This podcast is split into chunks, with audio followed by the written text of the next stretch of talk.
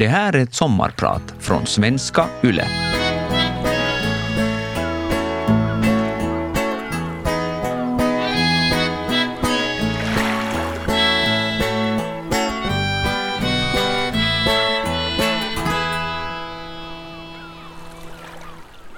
Det är becksvart ute. Klockan är över två på natten. Jag har jour. Det är mors dag imorgon. Jag har kollat på film ända till midnatt och somnat kring halv ett. Jag tror jag drömde om en tropisk ö och en hängmatta. I alla fall inte om att bli väckt av telefonen klockan 1.58. Mitt i natten. Samt all den tiden på dygnet är sällan något positivt. Det var MSSP som ringer. Jag tystar telefonen och smyger ut från sovrummet i köket för att inte väcka min fru. Jag stirrar ut genom fönstret, ser enbart mörker. Sarka, svarar jag yrvaket. Sweden is offline, säger den andfådda rösten i andra änden. Come again, säger jag och försöker vakna till ordentligt. Jag tar på mig hörlurar och byxor medan mannen upprepar sitt budskap. Sweden is offline, none of the services are responding. Mannen som ringer låter lite rädd. Inte så konstigt. Att ingen av tjänsterna når internet är helt enkelt en katastrof. Eller kommer att bli en katastrof om jag inte fixar det snabbt. Han fortsätter att gå igenom allt som inte fungerar, berätta vad de vet. Det är inte mycket. Well shit, säger jag fattar att sömnen är över för den här natten. Jag ringer tillbaka om 30 minuter. Jag måste skynda till kontoret. Jag ringer en taxi, tvättar tänderna, plockar upp min färdigt packade go-bag och sätter på en personal hotspot på telefonen. Jag tar hissen ner och öppnar min laptop. I turordning verifierar jag tjänsterna i en rad andra länder. New York, OK. Singapore, OK. Finland, OK. Norge, OK. Danmark, OK. Sverige. Taxin stannar i månskenen nere på gatan. Jag hoppar in i baksätet, ger adressen till kontoret och loggar in över VPN medan jag börjar pyssla ihop all information som finns tillgänglig. Jag gör upp en timeline. Jag måste jämföra den med MSSPns. Bara jag kommer fram. Taxin kör irriterande långsamt. Ändå sitter jag någon minut utanför kontoret innan jag förstår att vi är framme. I taxin har jag kallat till möte för vårt kristeam. Har en preliminär timeline för de första 20 minuterna vet ungefär hur stort problemet är. Jag stänger min laptop, stiger ut och börjar gräva efter ett passerkort. Shit. Passerkort är inte i bröstfickan, inte heller i byxfickan. Jag brukar spara det i bilen, men nu tog jag en taxi för att kunna jobba hela vägen. Shit, shit, shit, shit, shit. Jag tittar över axeln och ser taxin köra iväg. Jag svär högt. Baren på andra sidan gatan är nu öppen. Gänget står ute och röker och de skrattar högt. Skrattar de åt mig? Hur dum får man vara? Jag borde ju vara proffs. Halsen, jag har kortet runt halsen. Jag flabbar till. Har tydligen inte riktigt vaknat ännu. Måste skärpa mig nu. Jag tar hissen till vårt krisrum och öppnar laptopen. Jag ringer till MSSB och ber dem kolla några spår jag hittat. Ger dem direktiv att skicka upp mig en update med fem minuters mellanrum. Så att jag kan koordinera med krisgruppen. Det har gått mindre än en timme sedan jag fick samtalet. Jag har suttit på kontoret i 25 minuter. Vi har hittat problemet. En nätverksapparat har blivit överbelastad av trafik. Jag prövar vår lösning. En ny rutt för tjänsterna till Sverige. Faktiskt via Finland. New York, OK. Singapore, OK. Finland, OK. Norge, OK. Danmark, OK. Sverige, OK. Jag heter Benjamin Särke. Jag är en hacker, en expert på datasäkerhet, företagare och direktör för cybersecurity. Idag är jag din sommarpratare. Långt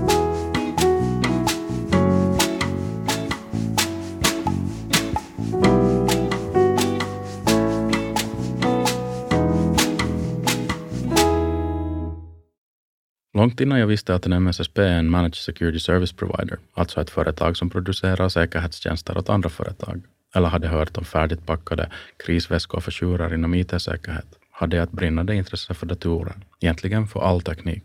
Jag minns med värme den grå fågelholksliknande Macintosh SR30 e som häckade bredvid pianot barndomshem i slutet av 80-talet. Tonerna från pianot och de pipande och surrande ljuden från datorn var bägge lika fascinerande för mitt sexåriga jag. På den tiden kunde jag inte göra något vettigt med varken pianot eller datorn. Jag fick leka med dem och det var viktigt. Trycka på knappar och både se och höra vad det ledde till. Rätt fort började jag bygga egna små program på datorn, en form av interaktiva berättelser. Det var inte moderna spel precis. Det handlade mer om att hoppa vidare till en ny text eller en ny bild genom att trycka på rätt plats på skärmen.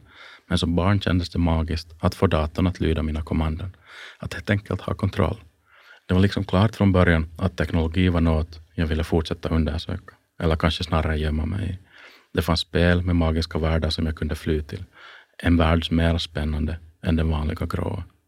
Jag lärde mig att gömma mina spel och textdokument genom att ändra användarrättigheter och fantiserade om att ringa upp BBS-burkar, alltså datorer uppkopplade till modem. Internet fick vi först i slutet av 90-talet, vilket betydde att all mjukvara som fanns på olika disketter och senare CD-skivor var guld värt. Att få tag på spel var förstås kul, men ännu bättre var det att få tag på olika program som jag kunde göra grejer med. Hur spännande var det inte med Cyberdog? Ett program som man bland annat kunde förfalska sändarens mailadress med. Tänk, jag kunde skicka e-post i någon annans namn och få ett svar direkt i min egen hotmailadress. Jag kunde leka lärare eller politiker och kontakta en klasskompis eller en kusin. Det var kul, men jag lekte med elden. Jag började förstå att teknik gick att missbruka. Många system byggde på premissen att folk ville vara ärliga. Inte så smart. Folk ville också testa gränser, se vad som är möjligt. I början av högstadiet hittade jag Anti-Online, ett forum för datasäkerhetsentusiaster och andra hackers. Det var en databas som innehöll mer information om mjukvara än vad jag någonsin hade kunnat föreställa mig. Allt var plötsligt tillgängligt och möjligt. Jag läste allt jag kom åt, gjorde alla experiment jag kom att tänka på. Hemma testade jag LaRue, den första Excel-makroviruset, men inget hände på Macen, som nu var en Performa 5200. Jag prövade också hacka olika webbsidor som var byggda för att just testa hacking på och så övade jag att läsa kod. Jag läste mycket kod. Ungefär samtidigt fick vi ett fint nytt datalabb till skolan och det blev snabbt klart att jag visste mer än läraren som ville att vi skulle öva på hur man skriver textdokument och göra mappar med MS-DOS. Skit i läraren. Det fanns ett labb och jag såg mig själv som en undersökande vetenskapsman. Hur funkar egentligen det virusprogrammen som jag läste om i praktiken? Här var det bara att testa om man vågade och klart jag vågade. Det var bara kul att förvirra lärare och klasskompisar. Programmen Donald Dick och Sub7 kunde man använda för att styra en data på distans. Nice. Att klicka fram en rolig webbsida på elevens skärm precis när hen försökte visa något för lärande ledde alltid till ett gott skratt. Åtminstone för mig och mina kompisar.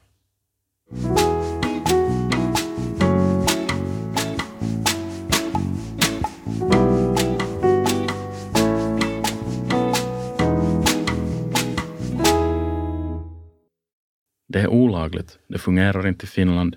Ingen vågar komma.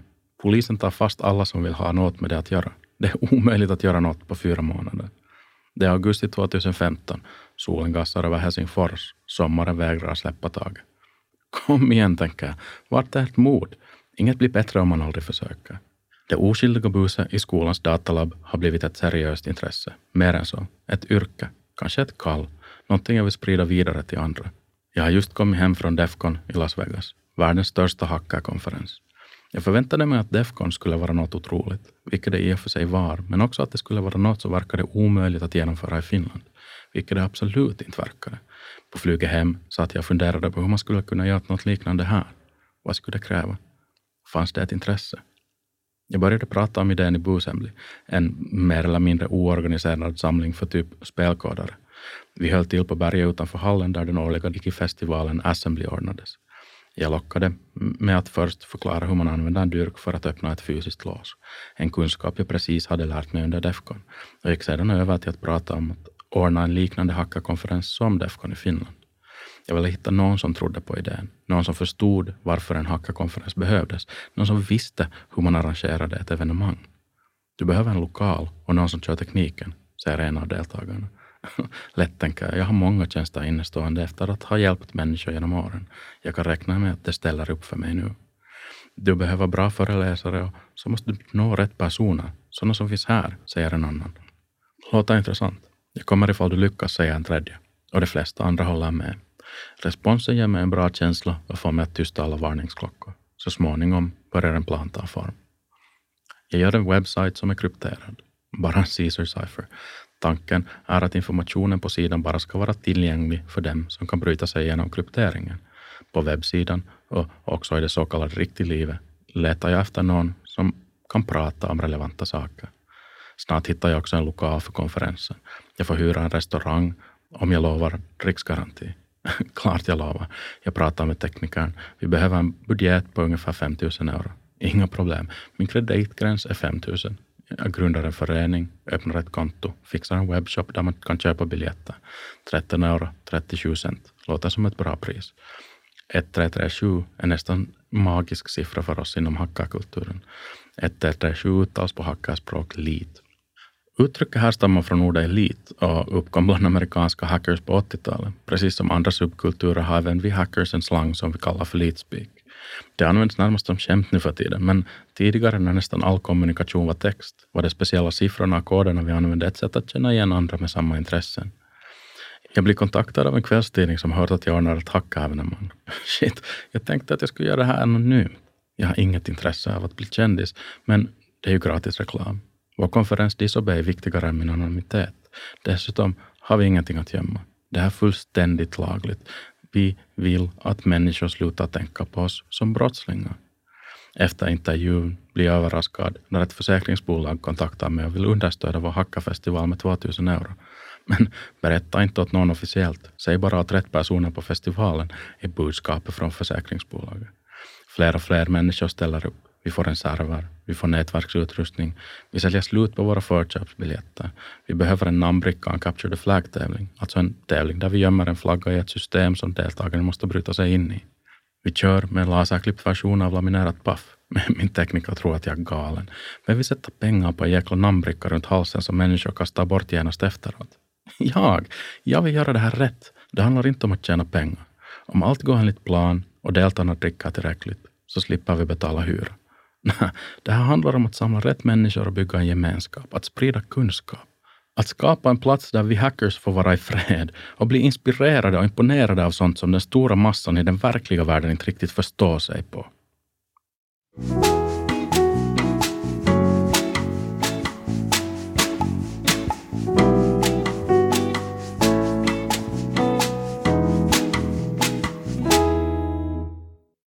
Det är kvällen innan vi öppnar dörrarna till Hackarfestivalen Disobey. Arrangemanget har slukat all min tid under de senaste månaderna. Jag är slutkörd, men samtidigt upp i varv.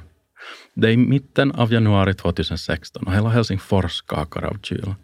Själv skakar jag mest av nervositet. Vi har hyrt en paketbil för att hämta servern och all annan teknik. Vi får nycklarna till lokalen och medan all logistik kör igång börjar jag delegera uppgifter. Saker faller på plats. Vi bygger en scen, hänger upp lampor och högtalare och skyltar, fixar en backstage, poserar ut stolar. Vi är nybörjare som ständigt stöter på oväntade problem, men på något sätt fixar vi ändå det. Vi är entusiastiska. Ingenting ska få stoppa oss.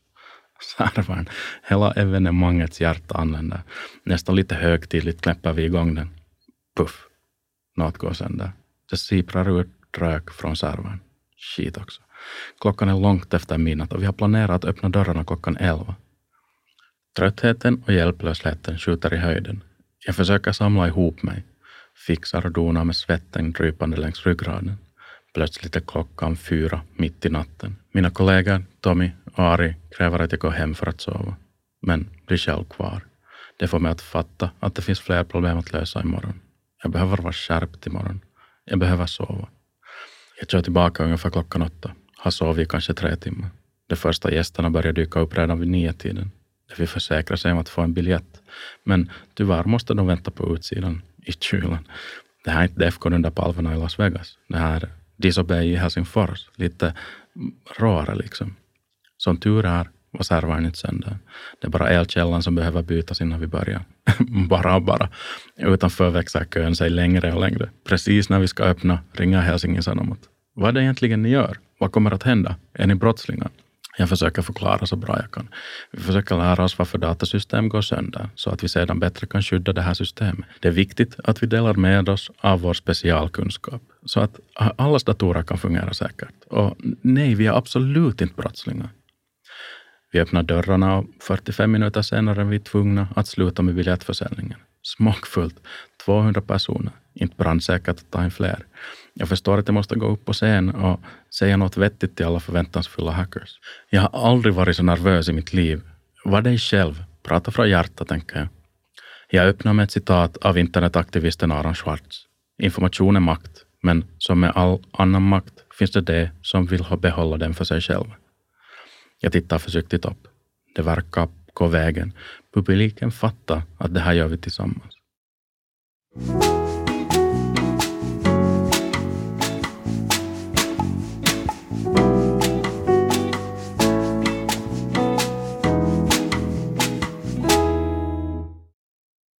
heter Benjamin Sarka och idag är det jag som sommarpratar. Med den kunskap We Hackers besitter kan vi göra så mycket skada, långt mycket värre än att ta kontroll över min tidigare lärares dator och lägga upp en snuskig bild. Vi kan till exempel kontrollera vattenreningsverk, husteknik och kärnkraftverk. Jag skulle kunna få produktionen i stora företag att stanna upp eller göra så att individer förlorar kontrollen över sina digitala liv. Och precis lika väl som jag fixade kontakten till internet i Sverige kunde jag också stänga av den. För att inte använda kunskapen fel är det av största vikt att vi hackers tänker på etik och moral. På Disobey har vi ett etos som lyder. Ta kontroll över dina val. Låt inte rädslan styra dig. Skapa, forma och utveckla det som redan existerar och hitta din egen väg och uppmuntra andra att hitta sin. En annan viktig regel vi försöker följa är att respektera det privata. En personlig bild eller video som råkar finnas på en arbetsdator har ingenting med datorns säkerhet att göra. Arbetsgivaren behöver inte veta och vi behöver inte titta. Vår uppgift är att tjäna och skydda samhället. Vi är inte brottslingar. På Disobey vill vi också respektera att alla är barn i början. Att vara dålig på något är första steget mot att bli bra på något. De som kan måste hjälpa till. De som frågar och delar med sig av sin kunskap. Vi får inte heller glömma att det handlar om integritet. Om du har integritet har inget annat betydelse. Om du inte har integritet har inget annat betydelse. Vi måste sträva efter att inte använda vår position eller information fel och se till att det är klart för alla andra också. Och skräm inte upp folk i onödan. Det finns redan tillräckligt med osäkerhet och rädsla i världen. Börja alltid med fakta och förklara saker som blir oklara. Och hej, minns att det här handlar om säkerhet. Se till att du inte är orsaken till att någon annans säkerhet försvagas. Hantera informationen du får tag på så säkert som möjligt. Sist men inte minst, vi hackers får aldrig vara skitstövlar. Både på Disobey men också annars. Det är viktigt att vara vänlig mot alla. Empati är inte svaghet. Tvärtom. Det hela kan summeras i ett citat av Tim Berners-Lee, skaparen av World Wide Web och en av mina förebilder. En hacker är en kreativ person som skapar någonting underbart. Den första Disobey-konferensen snurrar igång och jag hinner knappt med i svängarna. Tekniska problem avlöser varandra, men på något sätt ordnar det sig alltid. Det viktiga är alla underbara diskussioner och fantastiska möten. Det känns som att alla är på plats. till och med Säkerhetspolisen är här för att kontrollera att allt går rätt till. Jag kör på adrenalin hela dagen. Glömmer att äta. När party 14 timmar senare tar slut och det är dags att städa undan slocknar jag på en bänk. Jag blir väckt när allt är klart. Eh, min kompis kör mig hem. Jag blickar ut genom fönstret upp mot månen. Siktar mot månen så landar du i trädtopparna. Eh, jag, jag tror vi nuddar där vid månen. Det, det, känns så rätt. Som om vi nu startat något som ville finnas. Som är, som är större än någon av oss och viktigare än vad jag kan förstå. Jag är så stolt över att The Disobey som vi arrangerade 2016 inte blev någon engångsföreteelse. Att det verkligen blivit den årliga återkommande mötesplats som vi hackers är värda. För mig är det årets definitiva höjdpunkt.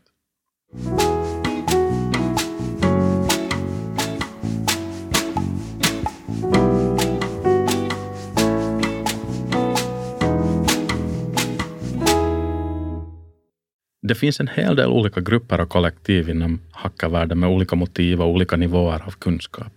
Många har en bild av att en hacker är en skum typ med dolt ansikte och svart huva i en mörk källare. och visst, det finns helt klart en viss mystik bakom att vara en hacker. Många dåligt insatta ser på en hacker som en form av modern trollkarl kanske, som med sitt trollspö kan orsaka omätlig skada åt allt som finns på internet. Till vardags jobbar jag som en direktör för datasäkerhet på ett stort företag. Jag och mitt team hjälper företag förstå vilka problem det lönar sig att lösa och hjälper den säkra sig mot det hot som finns. Ett av de roligare uppdragen i min karriär gjorde jag för några år sedan åt Yle. För att sprida mer kunskap om vad en hacker gör fick jag tillsammans med Iiro Uusitalo och Laura Kankala göra ett tv-program som hette Team Wack i tolv episoder. I programmet hackade vi allt möjligt. En bil, en drönare, ett försäkringsbolag livestreaming på nätet. Men eh, ett avsnitt fick aldrig sändas. Det ansågs vara för farligt. Så här gick det till. Det var första gången vi jobbade tillsammans. Första gången vi hackade framför kameran med regissör som hade åsikter om hur saker borde göras. För att understryka dramatiken befann vi oss i ett fallfärdigt hus med mögelskada. Vårt uppdrag var att ta över en dator som hörde till en av Yles programledare. Vi hade fria händer att göra det vi tyckte behövdes för att få uppdraget gjort. Hemskt få visste vad vi höll på med utanför produktionsteamet, endast säkerhetschefen. Och vi lovade skriva en rapport om vilka sårbarheter i datasäkerheten vi hittade på vägen. Vi började med open source intelligence, alltså att utnyttja information som kan hittas på öppna webbsidor, till exempel via sökord, olika nyhetskällor eller sociala medier. Allt som är offentligt helt enkelt. Under några dagar hittade vi massor av info, även hemliga lösenord som läckt via en online-tjänst. Vi fick också reda på att programledaren tyckte om musik och spelade gitarr. Den här informationen gav oss idén att hitta på en person som ville ge programledaren en specialtillverkad gitarr. Den här påhittade personen gjorde vi sedan trovärdig genom att ge honom konton på sociala medier och ett mejlkonto som vi använde för att skicka mejl till programledaren. I mejlet hade vi gömt en kod som skulle hjälpa oss ta kontroll över programledarens data. Det här skulle ha kunnat fungera, men programledarens spamfilter blockade avsändaren, vilket gjorde att mejlet inte kom fram. Vi fortsatte med en promenad runt Yle Campus och hittade några intressanta trådlösa nätverk. Jag lyckades också kapa signalen för garagedörren som de anställda använde när de körde in. Dessutom var det ganska lätt att ta sig in genom en del av de låsta dörrarna. Sen var det dags för ett nytt försök med att ta oss in i programledarens dator. Vi hade hittat ett gammalt lösenord och på basen av det klistermärken vi på en del av de anställdas datorer så visste vi nu också vilka säkerhetsföretag vi ville använda. Vi skickade ett fejkat mejl från datasäkerhetsföretaget där vi informerade programledaren att det gamla lösenordet läckt, att datorn behövde göras säkrare och att en så fort som möjligt skulle ringa upp min mobil för mera info. Som en ytterligare åtgärd lämnade Laura in en USB-sticka med gömd kod i programledarens interna postlåda. Det tog inte länge före telefonen ringde.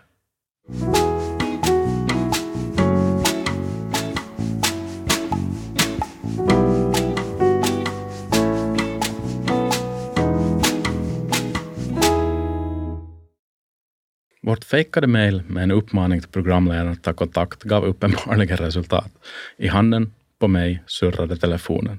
Förväntansfullt tog jag emot samtalet. Shit också. Det var inte programledaren som ringde. Det var istället en anställd på säkerhetsföretaget som hade fått ett samtal från en uppskrämd programledare. Den anställda på säkerhetsföretaget försökte förstå vad det här handlade om. Jag bluffade så gott jag kunde. Jag jobbar på Yles säkerhetsavdelning och märkte en del lösenord online. Därför ville jag gå igenom alla och se till att ingen råkade illa ut sa jag så auktoritärt jag kunde och till. Eh, meddela inte Pekka er om den här aktiviteten. Jag hade ingen aning om det fanns någon Pekka som jobbade med Yles datasäkerhet. Det jag ville göra var helt enkelt att bryta mig in i programledarens dator. Personen i andra änden av luren var tveksam men verkade tro på mig. Precis när han skulle lägga på kom han på att han behövde mitt anställningsnummer för att kunna logga samtalet. Mm, um, det 2299452 försökte jag gissa, men det verkade ha gått helt fel. För nu började personen i andra änden låta rädd. Jag förstod att det var bäst att avsluta samtalet omedelbart. Samtidigt tog Laura rygg på en anställd och lyckades smyga in i huset. Hon gick omkring och letade efter programledarens interna postfack. Med hjälp av kollegor till programledaren lyckades hon till slut hitta rätt. Hon lämnade USB-stickan i postfacket och kom ut med ett leende på läpparna. Det tog en stund innan programledaren kollade posten och använde USB-stickan. Men samma sekund han öppnade dokumenten på stickan kördes vår kod och gav oss chansen att ta över hans data. Efter att ha kollat igenom en del dokument och bilder startade vi webbkammen och såg honom äta lunch framför skärmen. Vi tänkte att det skulle vara skojigt att öppna en webbsida där vi kunde fråga honom om hur maten smakar, så vi byggde snabbt en sån och bad honom ringa till mitt nummer. Mission accomplished, tänkte vi. Vi var supernöjda och lite stolta över slutresultatet när jag såg hur underhållande det blivit. Tyvärr verkade det som om vi hittat lite för många sårbarheter i Yles system. Säkerhetsföretaget var nämligen inte alls lika förtjust. Vi blev hotade med kontraktsbrott och allt mellan himmel och jord ifall det visades offentligt. Så vi rättade oss snällt in i ledet och gick med på att programmet aldrig skulle visas offentligt. Personligen tycker jag inte att Yle eller säkerhetsföretaget hade något att skämmas för. De lyckades nästan ta fast oss. Vi fick inte heller med oss speciellt mycket information. Programmet Teamwork blev trots att det här aldrig sändes ändå en succé. I alla fall i mina ögon. Vi kunde visa på sårbarheter i olika företagssystem och även på sårbarheter i datasäkerheten på samhällsnivå. Dessutom fick vi visa att alla hackers inte använder hoodie så att vi kan göra ett viktigt jobb som påverkar många människors säkerhet.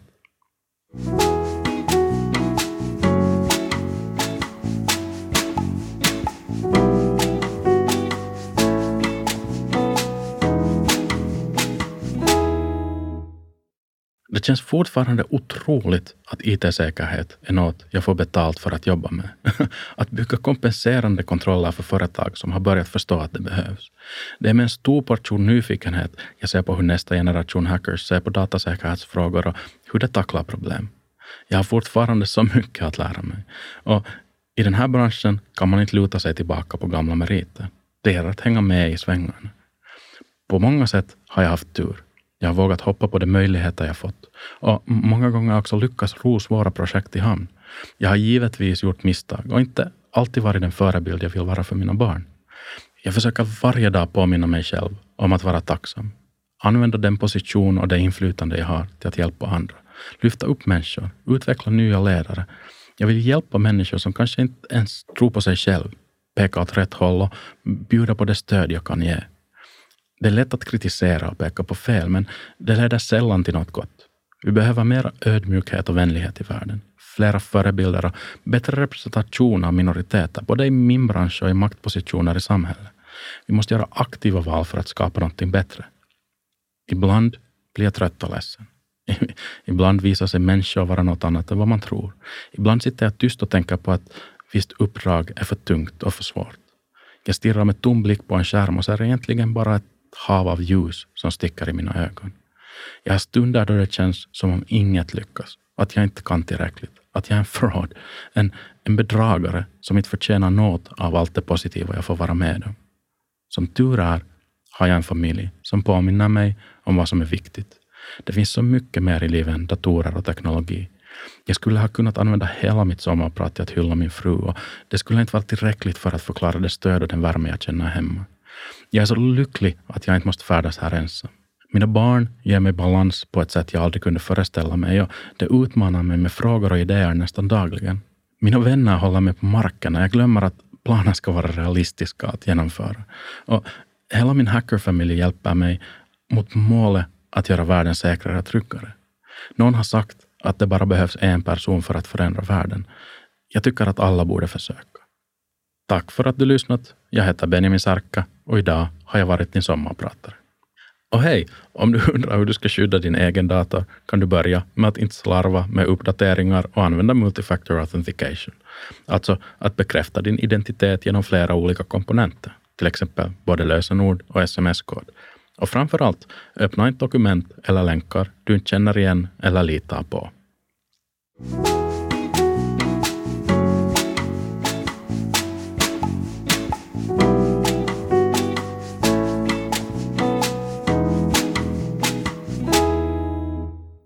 Vegas sommarpratare produceras för Svenska Yle av Parad Media.